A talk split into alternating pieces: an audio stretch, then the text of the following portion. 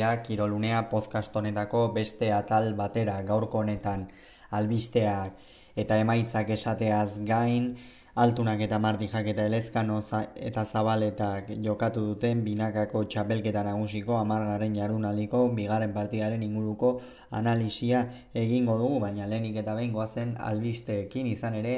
pilotarekin hasi behar dugu eta oinatz bengo etxeak min hartu eta zalantzan dago labriteko azken agurrean izatea. Leitzarak ezkerreko iztondoan hartu du min, markinan jokatzen ari zela elor diren eta bikuñaren aurkako ligan. Bera are txabaletarekin, barkatu partidan, bera are txabaletarekin ari zen. Guazen orain futbolaeko partidoekin, gaur jokatu diren partidekin, izan ere, Atletico de Madridek azkenerako buelta eman dio partidari eta hiru eta bi irabazi dio Valentziari. Levantek eta Kadizek jeitxierako partida nutxe eta bi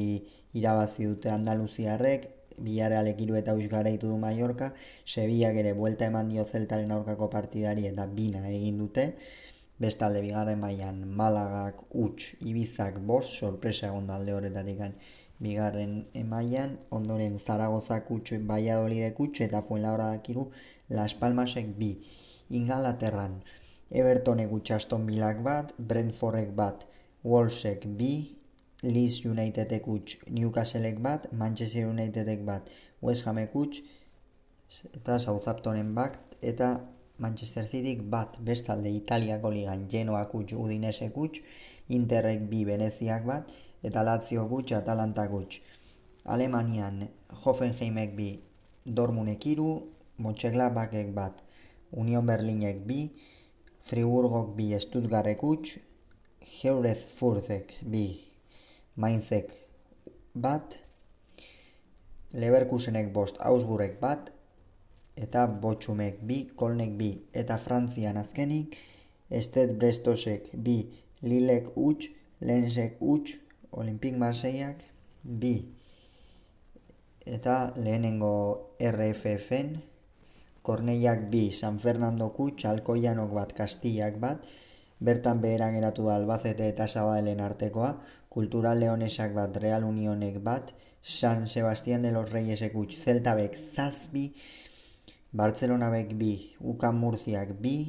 Andorra kutx, Costa Brava kutx, Bilbao Atletik ekiru Estremadura kutx, Real Valladolid Promesa sekutx, Duelanok bi eta Logroño sekutx, Razinek bat, guazen orain pilotako emaitzekin izan ere iruñeko ez da jaialdi bakarra izan, markinan ere jokatu da jaialdia eta esan dugun bezala hasieran. Ba, oinaz bengo etxeak ez du partida amaitzerik izan eta azkeneako elordi eta bikuñaren izan da garaipena, hogeita bi eta amar ondoren berriz, txapelketako partidan, lasok eta imazek, amalau, peinak eta albizuk hogeita bi. Eta honen bestez, ba, peina eta albizuk postuak egingo dituzte gora eta aldiz ez lirak e, estankatuak geratuko laso eta imaz 6 punturekin dira Markatu, bai, 6 punturekin dira laso eta imaz, aldiz, peña eta albizu, bostera, igo dira. Eta bestalde, promozio mailan bakaigoak eta elizeik sendo irmo jarraitzen dute,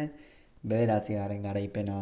lortu ondoren gaurkoan hogeita bi eta hiru jipoitu dituzte zubizar eta eskiroz eta oraintxe berdan aztertu behar dugun partidan altunak eta marti jako hogeita bi elezkanok eta zabaletak amairu honen bestez elezkano eta zabaleta zortzi punturekin geratuko lirake. Barkatu ez ez ez ez ez ez hau gaizki dago. Barkatu, barkatu hori da, zortzi punturekin geratuko lirateke, baina hiru porrot,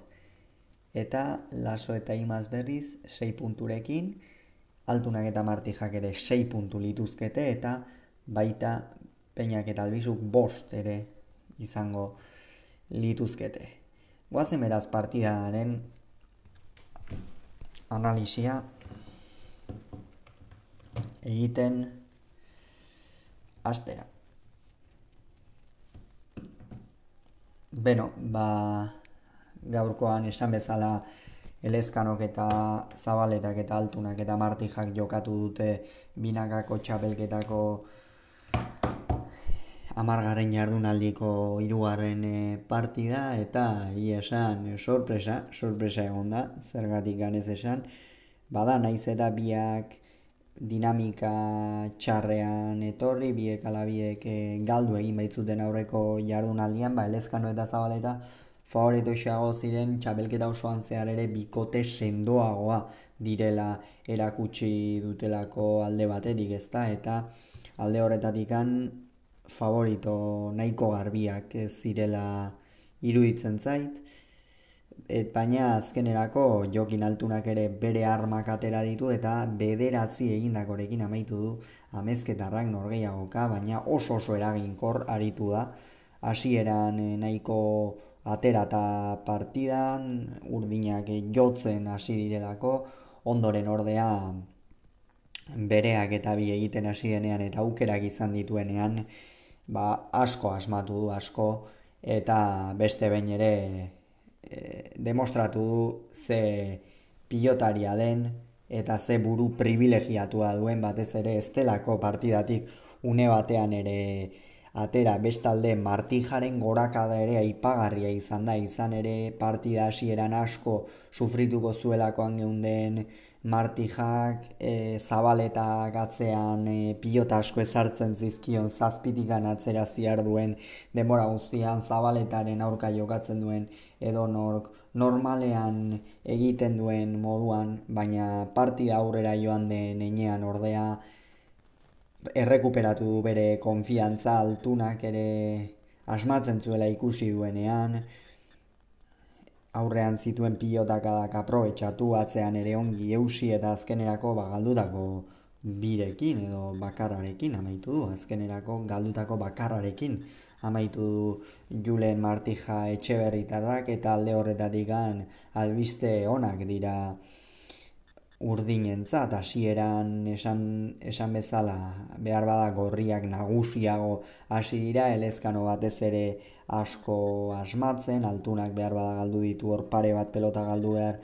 ez zituenak zabaleta ere ematen eta horrek ba, zalantza handiak sortu dizkie.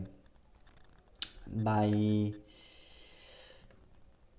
horrek zalantza handiak sortu dizkie bai elezkan hori barkatu bai altunari eta bai martijari. Ondoren ordea elezkano ere jaitsi egin da apur bat etzeoen konfidantza handiarekin eta galtzen hasi denean hortxe ikusi dute aukera altunak eta martijak eta itaren batean joan dira amagegarren e, tanturaino ere eta batez ere alde handiena amabitik emezortzi garren era e, joan direnean izan da, ez diete tantu bakar bat ere egin amabitik emezortzi garen erako tantu horietan eta horrek ba, ia, garaipena bermatu egin die zabal eta ikusi du gaur inoiz baino galtzaileago beti ezin du nagusitasuna erakutsi naiz eta egun dagoen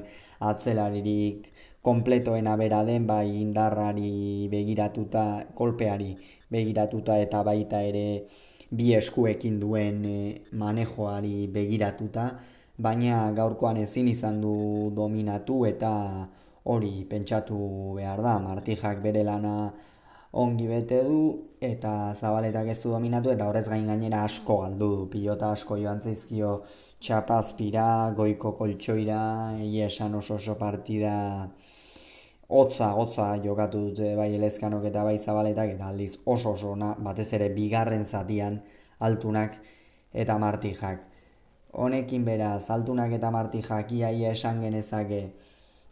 euren sailka, sailkatzea bermatuta dutela, elezkanok eta zabaletak noski aspalditik handaukate euren sailkatzea playoffetara bederen bermatuta, eta orain altuna eta martija saiatuko dira, saiatuko dira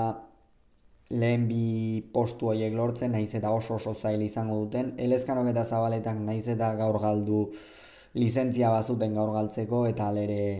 irudipena dut txapelketa osoan jokatzen ari diren bezala lehen bi postu horiek ez zaizkiela eskapatuko, ez, diela, ez dietela alde egingo bi postu horiek, eta horixe kontatu beharrekoa. Hau izan da gaurkoz guztia, biharkoan gehiago izango duzue, bitartean ongi izan, agur.